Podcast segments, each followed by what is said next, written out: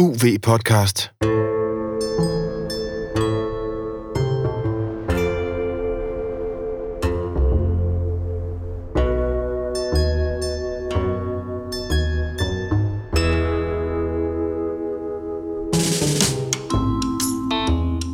Velkommen til Universitetets podcast om undervandsjagt, fridykning og snorkling. Din vært er Morten Rosenvold Villassen, forfatter til bogen Undervandsjagt og forfatter til Hold vejret, en bog om fridykning. Morten har holdt vejret i 7 minutter og fridykket til 81 meters dybde og vundet Danmarks mesterskaber i både fridykning og undervandsjagt. Med i studiet er også Johan Vedel Nielsen, nordisk mester i undervandsjagt og 10 gange dansk mester og fiskerikonsulent i firmaet Aquamind. God fornøjelse. Velkommen til UV Podcast 68. UV Podcast 68 handler om hornfisk og er således en UV Podcast Classic. Vi holder det øh, velkendt format. Det er Johan og jeg, der er på banen, og vi taler simpelthen om noget så simpelt som en fisk og hvordan man fanger den og lidt omkring det væsen, som vi øh, efterstræber derude som undervandsjæger.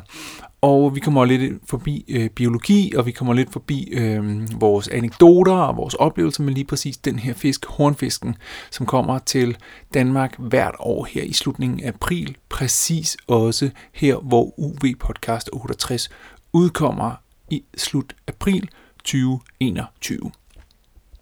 Afsnittets sponsor er Årstiderne – Årstiderne er jo den her fantastisk store forretning, der leverer madkasser ud, eller måltidskasser ud til hele familien Danmark, men også er begyndt at åbne for jordens bedste varer, som de sælger fra deres øh, online købmand, som er en bæredygtig, og de arbejder på at være det, man kalder planetar, og lave CO2-reduktion på alle deres produkter, og ligesom som virksomhed gå i nul og bidrage til den her planet.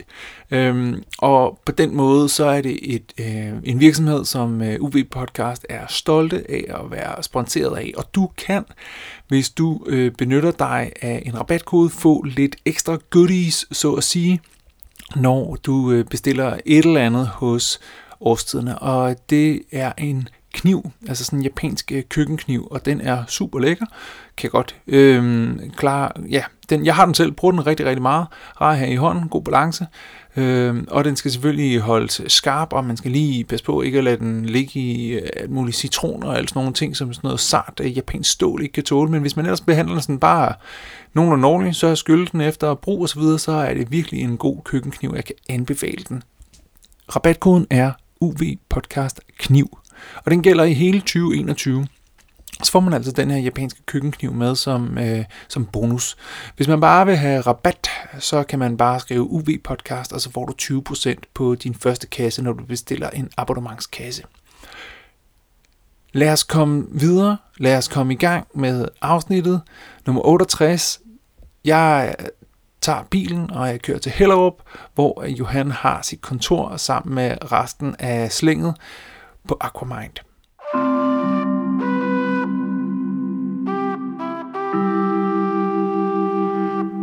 Og så jeg jo taget ind her til øh, Aquamind, til øh, Johan. Hej Johan. Hej Morten. Vi sidder her i køkkenet, så hvis der er en lille smule rumklang, så er det fordi, vi ikke har fået dækket ordentligt af med Johans dynejakke og et par halsterklæder og sådan noget, som vi... Jeg synes, vi skulle have nogle flere persiske tæpper hængende på væggen her. Ja, det er for dårligt. Ja. Det, øh, det, er, det er ikke så, det er ikke så godt som sidste kontor, det her, men, øh, men jeg har alligevel aldrig, så... Øh, det Nå, ja, okay. Nok.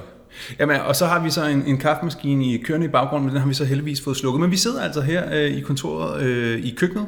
Ja. Øh, ved Aquamind, øh, hvor øh, Johan arbejder som øh, konsulent inden for erhvervsfiskeri primært, ikke? Jo, jo. Nå, men øh, dagens tema, det er jo hornfisk. Ja. Og hornfisk, jeg synes, at Bellone, Bellone, det er et latinsk navn for hornfisk, er et fantastisk navn. Det er et dobbeltnavn. Jamen, jeg kan godt lide de der, for eksempel også grævling, den hedder Melis, Melis, og øhm, Ja, der er jo også... Tusse hedder bufo, bufo. Ja, præcis. Og, og, jeg synes faktisk, den sjoveste fisk, det er jo, det, det er jo øh, rød mulle, som hedder Mulus surmuletus. Det er så ikke et dobbeltnavn. Nej, det er men, rigtigt. Øh, det er, øh, du må interessere dig mere for det latinske, Morten, og finde ud af, hvad Bellona egentlig betyder. Jeg, jeg fandt ikke rigtig ud af det. Jeg skulle lige hurtigt, men... Øh, Ja, men det er i hvert fald en hornfisk, vi snakker om. Og øh, hornfisk er jo en sjov fisk, fordi den ligesom har en sæson. Øh, altså helt konkret, den er her i Danmark, og så er den her ikke. Øh, men det vender vi tilbage til. Måske skal vi lige øh, snakke om, hvad vi har lavet siden sidst. Det er jo et, par omgange siden, du har været på, Johan. Jamen, jeg har været syg en måned med bihulebetændelse. Det har været en, en svær, grim oplevelse med, øh, med at få tømt øh, de der bihuler der. Men øh, nu øh, tror jeg, at den er den er ved at være klar, og øh, der starter kaffemaskinen. Det er også godt med en kaffe en med. Nej, så min, øh, jeg har biobetændelse, og inden da, altså for mere end en måned siden, der var jeg ude og dykke i øh, Nisumbredning ja. på min øh, Østersbanke, som jeg jo arbejder og har arbejdet på i syv år, og få tilladelse til det her øh, bankedyrkning af Østers. Ja. Og øh, så høstede jeg nogle, øh, nogle vilde stillehavsøsters øh, ude på banken, og de så bare øh, rigtig fine ud. Så øh, nu håber jeg snart, at jeg kommer i gang med øh, mit øh, Østers opdrætsprojekt også. Ja, og hvad, hvad er planen med et Østersopdrætsprojekt? Altså, Red verden. Red verden. Hvordan, hvordan same, same som uh, last year. ja, men det er jo det mest uh, CO2-venlige protein, uh, man, kan, man kan lave overhovedet. Altså meget bedre end planter og sådan noget. Og så er det jo rent faktisk til at spise. Mm. Så, og så renser det vandet, når de vokser. Ikke? 30 liter i timen øh, drikker sådan en østers, altså fjerner øh, mikroalger. Ikke? Men og, fjerner, fjerner vel også næringsstoffer fra et farvand, som er belastet med næringsstoffer? Ja, ja, lige præcis. Øh, og øh, øh, ja, selvfølgelig er der også en påvirkning ved at, at dyrke østers, ikke? men mm. det er en af de allermindste påvirkninger, man kan forestille sig for noget fødevareproduktion. Hvor stor østersmark drømmer du om? Jamen, jeg har søgt om 2 gange 15 hektar. Så 30 hektar Østersmark. Ja. Kan der leve noget andet på en Østersmark end Østers? Ja, altså der er jo masser af sådan små dyr og sådan noget. Det bliver jo til, til et Østersrev, ikke? Altså ja. sådan en biogen rev, som man kalder det i fin. Det er selvfølgelig så en fremmed art, men altså de der kutlinger og rejer og sådan noget, som gemmer sig ned med østerskallerne, de er jo sådan set ligeglade med, om det er fladøsters eller, eller stillehavsøsters. Så øhm, mm. Men det er ikke noget, der er undersøgt så meget faktisk, det her med, hvad biodiversiteten er på, øh, på de her stillehavsøstersrev. Men de undersøgelser, der har været, det viser faktisk, at der er højere sådan artsrigdom på, på sådan et øh, rev af Stillehavsøsters end øh, ved siden af. Ja, man kan jo, hvis ved siden af det er sådan en mudderbund, så kan man jo godt forestille sig, at det ser lidt bedre ud på Ja, ja, på det er klart. Det, det meste af Limfjorden er jo sådan set bare mudderbund, ikke? og jo, jo. det er jo en rimelig kedelig bund uden struktur eller mm. noget hårdt, som øh, alger og sådan noget kan fæstne sig til. Hvis du nu laver sådan en østersmark, må jeg så komme og øh, fange hummer og undervandsjæge på den? Ja, naturligvis. Men er, er, er det noget alle må? Altså, nu, nu er vi jo gode venner, så Nej, det altså, med, men, altså. altså reglerne for de der bankedyrkning, det er, at man får sådan et, øh, et lod der af staten, som man så øh, ejer i øh, fem år. Okay, så man leger det af staten? Ja, man betaler ikke noget for det, man, man får det sådan ud, uddelt af staten, ikke? Okay.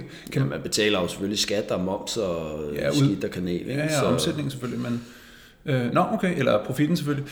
Øh, nå, øh, det er sgu da egentlig meget vildt, at man ikke betaler for et fælles areal på 30 hektar. Nå, mm, jamen det... Ja, men det kan du sige, altså har, de, al, al akvakultur på havet, det er sådan set frit, også uh, muslinger og ørder og ja, ja. sådan noget. I Norge der, der betaler man jo for at købe sådan et område til havbrug for eksempel. Det er mm. faktisk rimelig dyrt. Det er 200 millioner for sådan et, et site, ikke? Okay, nå, vildt nok. Øh, der er lidt mindre penge i Østers, så der vil nok kunne betale lidt mindre, men øh, man, i, og det, er sådan, det er jo, hvordan man laver sit samfund, om ja. det skal være de rigeste, eller for alle, eller... Fangede du så noget ude på den der? Eller jeg fangede nogle øh, stillehavsøsters. Ja, og det var det? Ja, ja, og det, ja. men det var også mest derfor, jeg var taget det op, så, øh, og så er jeg så blevet syg. Ja, okay. Jeg skulle egentlig have været ude og dykke i dag, jo, men uh, så var det så 19 sekundmeter. så tænkte jeg, det er bedre at lave podcast. Ja, men helt klart. Du skulle dykke for et par dage siden, der var det helt stille vejr. Jeg ja, kan se, at ja, ja, folk er begyndt at fange øh, pikvar på nordkysten ja. og købugt. Og, ja, ja, det er lige nu, man skal ud efter pikvar, tror jeg. Hvad ja. når solen skinner. Og så er det jo faktisk også nu, at øh, hornfisken øh, kommer, men det vender vi lige tilbage til, fordi jeg har også været ude at dykke. Og det var, øh, der, der endte jeg faktisk også i Stillehavsøsters, men det var altså ikke plan A. Plan A var at finde nogle torsk sammen med Nikolaj Højlund op ved Snækkersten. Øhm, og det, øh, det forsøgte vi på, og så kiggede vi også lidt efter stenbider, for vi havde hørt, at de blev fanget på en 6-8-10 meters dybde øh, over på svenskersiden af Øresund. Øhm, men, øh, men det, der, det, der så skete, det var, at, at da vi så kom ind på det lave, så jeg har, jeg har gået og tænkt på, fordi nu fandt jeg øh, Stilleshavsøsters op ved Helsingør, så tænkte jeg, at der må også være på de store sten nede ved Snækkersten. Det var der også.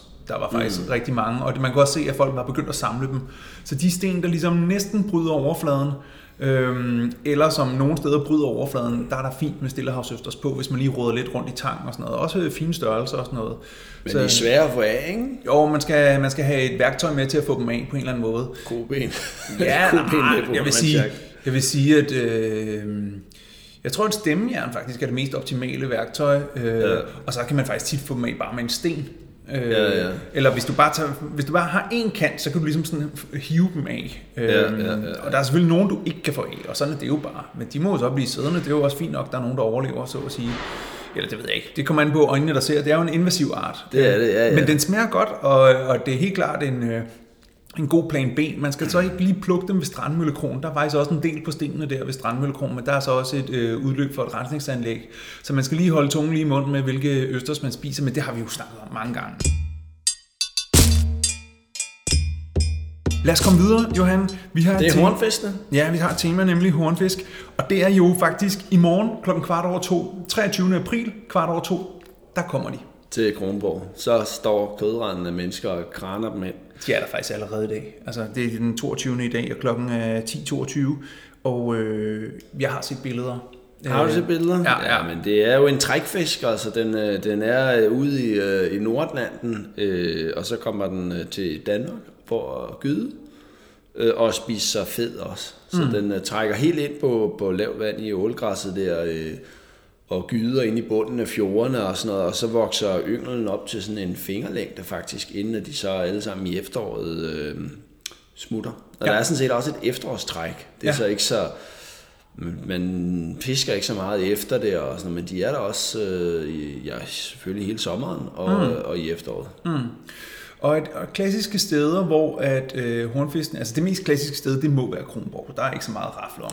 I hvert fald hvis man bor på Sjælland til, ja. til de øh, jyske lyttere, der, øh, der er der jo også de her... Øh, alle øh, altså til indsejlingen og udsejlingen til Limfjorden og, ja. og de her øh, Ringkøbingfjorde og alt det der, de der moler og sådan mm. der, der, der er der jo også kæmpe hornfiskeri. Ja, ja. Fiskeri, ikke? Al, alle, og Frederikshavnmolerne. Ja, ja, alle sådan nogle pynter og hjørner, mm. indsejling og udsejling til, til, til fjorde, der, der er godt.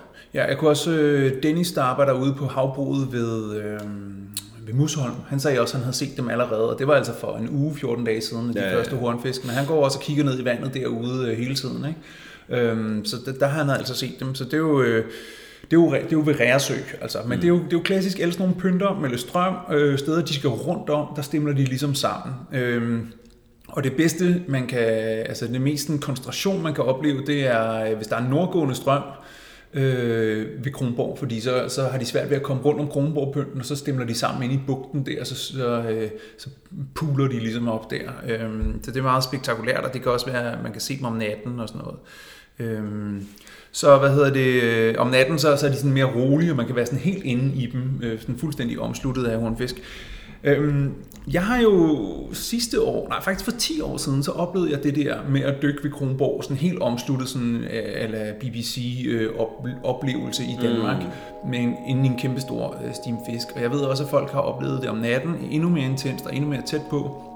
Men sidste år, da vi optog den der Nordea-film, øh, så, øh, så lavede jeg det øh, igen og havde kamera med. Så det, hvis man søger på UV-jagt med Morten og Johan og pelagiske fisk, så kan man se nogle optagelser derfra med, med Kronborg, hvor jeg ligger inde i det, og det er super spektakulært. Men man kan se dem mange steder. Det kan også være Røstnes, det kan også være hele Nordkysten. Man kan ligge øh, i de her dage, som kommer fra nu af, og de næste, ja, næste måneds tid, der er der virkelig stor koncentration øh, de steder. Så det er bare om at komme ud. Og så er der det der med, at når man siger, at man skyder hornfisk med harpun, så siger folk, ja, ah, det kan du ikke.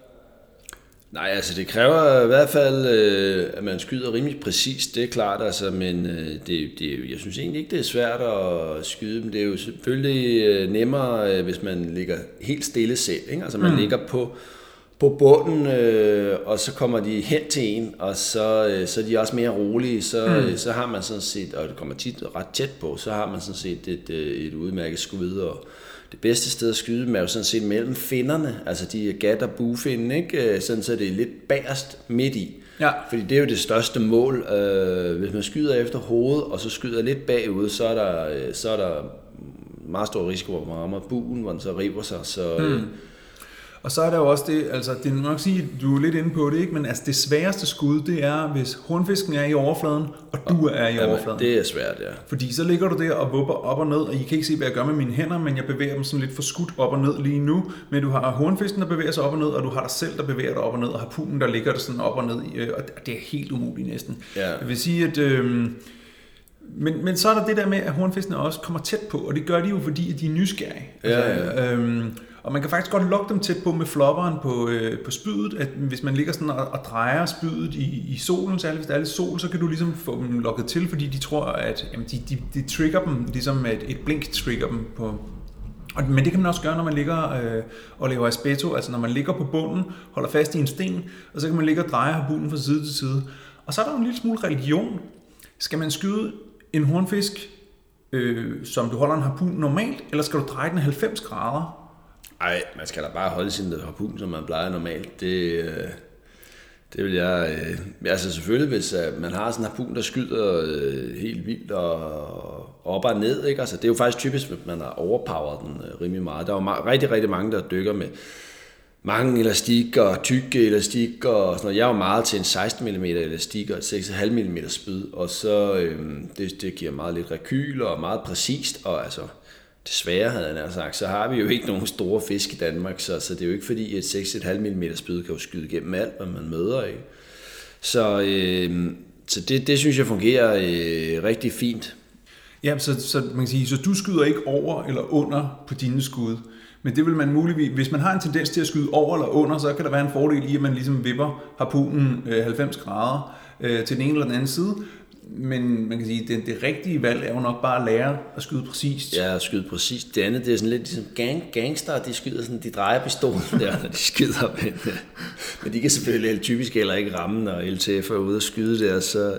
Men jeg synes, det bedste er, bedste teknik, det er, hvis man øh, dykker ned og, øh, og holder fast i en sten eller i, øh, i tangen, og så, øh, så ligger helt stille, og typisk på ret lavt vand, altså en... Øh, en halv, en hel meter, måske øh, halvanden meter, men ikke øh, længere ude. Og så gerne et sted, hvor de øh, jo er. Altså sådan en mm. sten, blæretang, synes jeg er godt, og gerne lidt strøm. Altså sådan et, mm. et rev for eksempel, en spidsen af et eller andet. Ikke? Og Ja, ja, ja. Øh, en gang for længe siden var jeg på øh, Bornholm til noget DM i Bornholm, og øh, Det var dag to på DM. Ja, det var det to, og vanen tro, så lå jeg tæt med Thomas, øh, Thomas Brogaard, den evige toer, som jeg igen øh, fik forvist til, til andenpladsen ved de synes, det- sidste kvarter, inden, øh, inden øh, konkurrencen var slut. Der fangede jeg tre hornfiskere, en havrede lige øh, målområdet der på, på sådan et, øh, et rev, ikke? Hvor Det, det der ja. med at ligge, ligge på en halv meter vand og ligge stille og vente, og så kom, øh, så kom de øh, hornfiskene trækkende.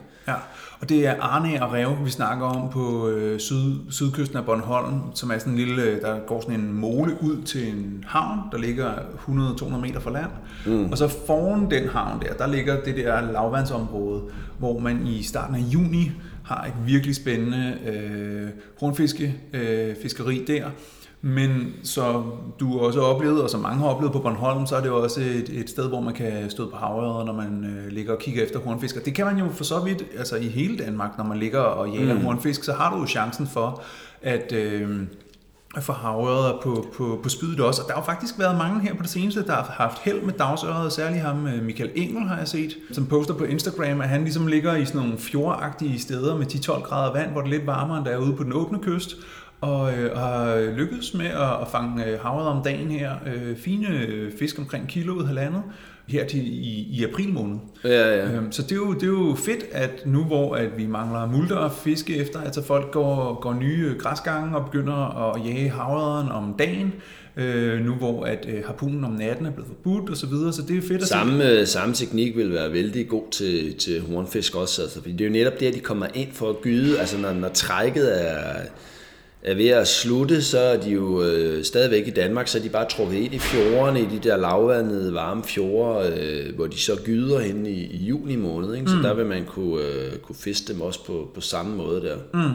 Vi har jo snakket meget om flashers her for et halvt års tid siden, hvor han hedder Rasmus Weinhold øh, eksperimenterede med det efter store havørreder.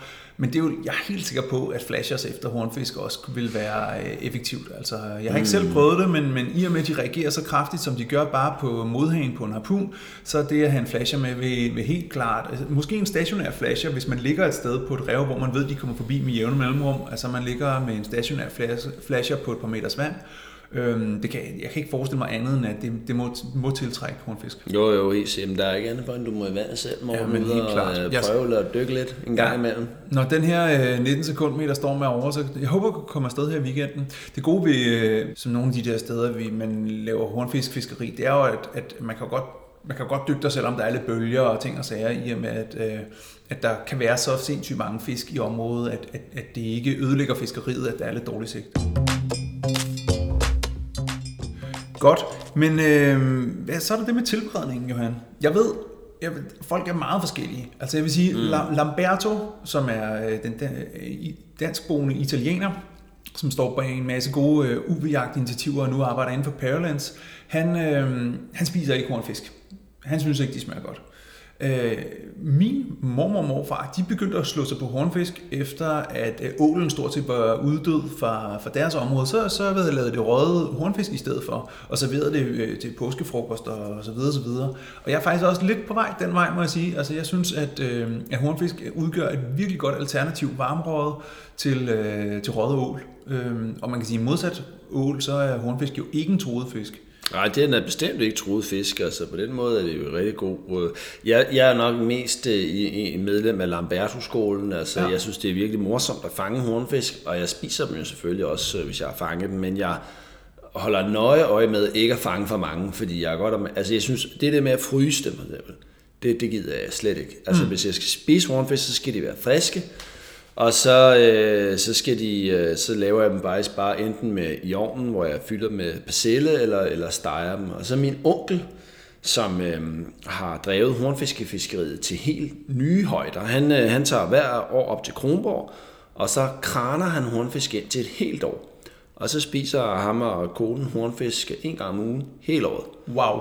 Og øh, han fileterer dem, og så, så steger han de der, fileter, øh, øh, steger han de der øh, fileter, og så drysser han øh, en hel masse parmesanost henover på panden, som så smelter. Og øh, så, øh, så, så, altså så meget ost og noget, noget rasp også, sådan, så det ligesom bliver til sådan en omelet af ost og hornfisk. Og så vender han den og steger den sprød på begge sider, sådan så det måske er halv stegt parmesanost og halv hornfisk. Ikke? Og øh, jeg har prøvet at lave det på den måde. Når jeg så køler han det ned, og så klipper han det ud med en saks i de der, sådan så det ligesom er en hornfisk, som er, er omsvøbt med, med sprødstegt parmesanost.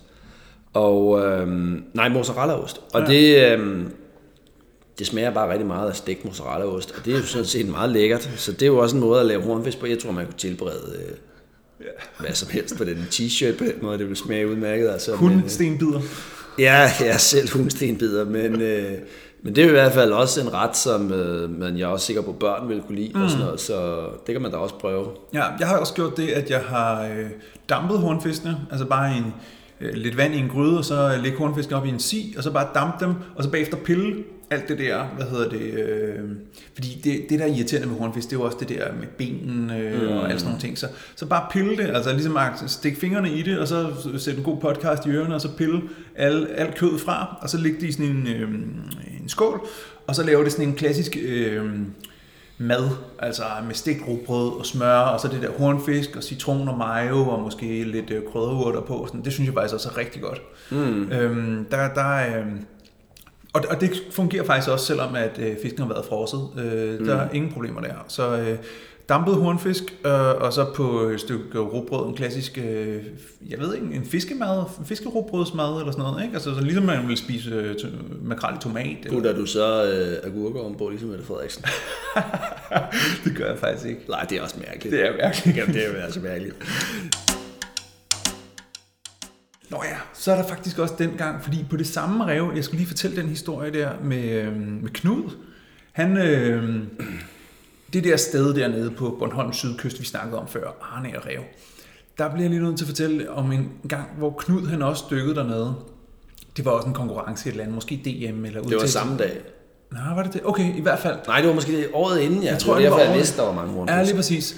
Så han lagde sig på Arne og Rev, og så tænkte han, åh, her er hornfisk, skød han en og skød han en, skød han en til. Dengang måtte man fange syv af hver art. Og så lå han hele dagen og fangede syv hornfisk.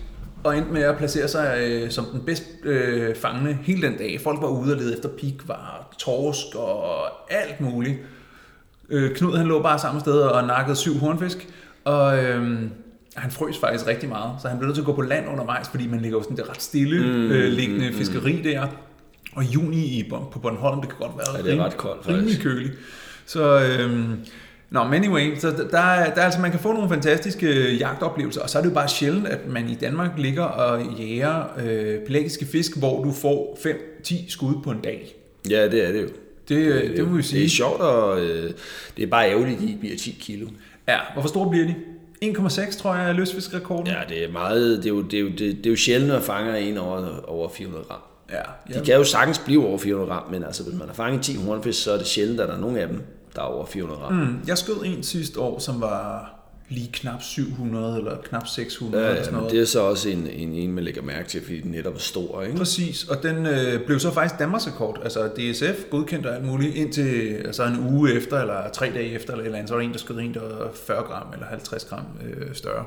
Så jeg tror, at Danmarks rekorden for hornfisk lige nu for undervandsjagt, den ligger på 750, men I kan tjekke det inde på DSF's mm, øh, hjemmeside.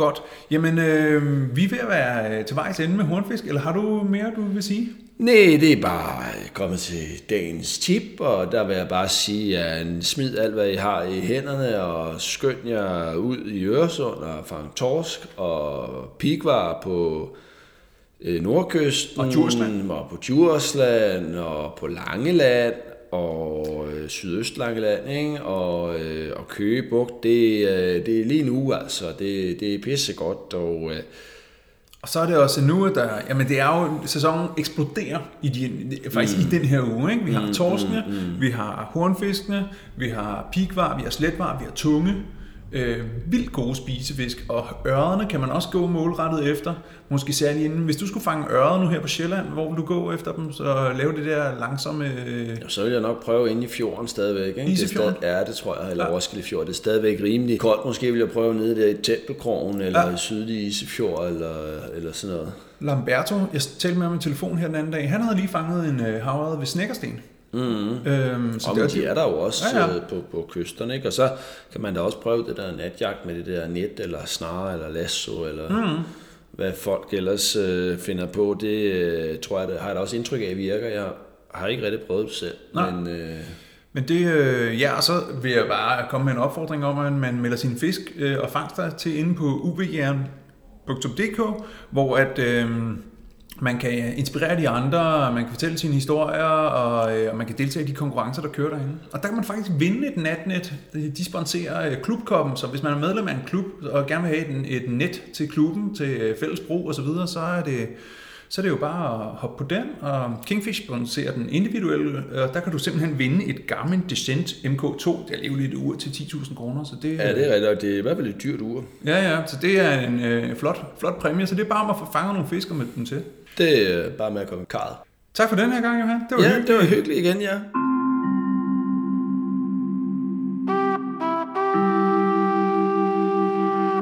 Det var et besøg hos Aquamind med Johan, min bror Mikkel og de andre, som sidder der og øh, tænker tanker om, hvordan at øh, erhvervsfiskeriet kan udvikles, og hvordan at de kan bringe sig selv i spil med alle deres gode idéer. Mange tak til dig, der lytter med derude.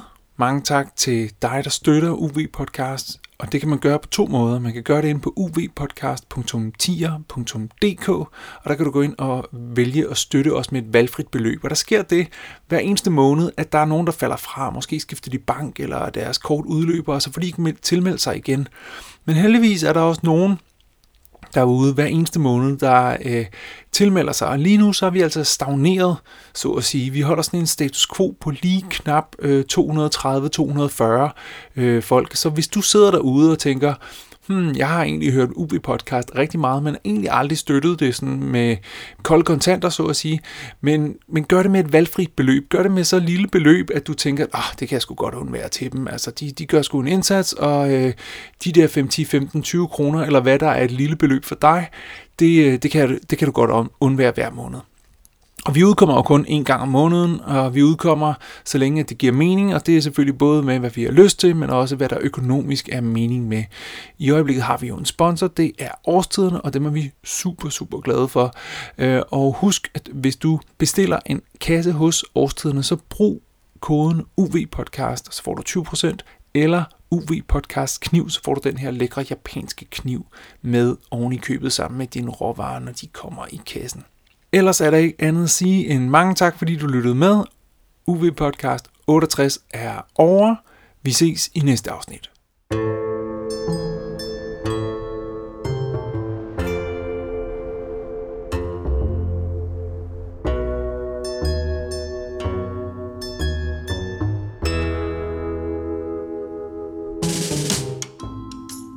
Tusind tak, fordi du lyttede til UV Podcast. Du kan finde links, fotos og anden info på uvpodcast.dk.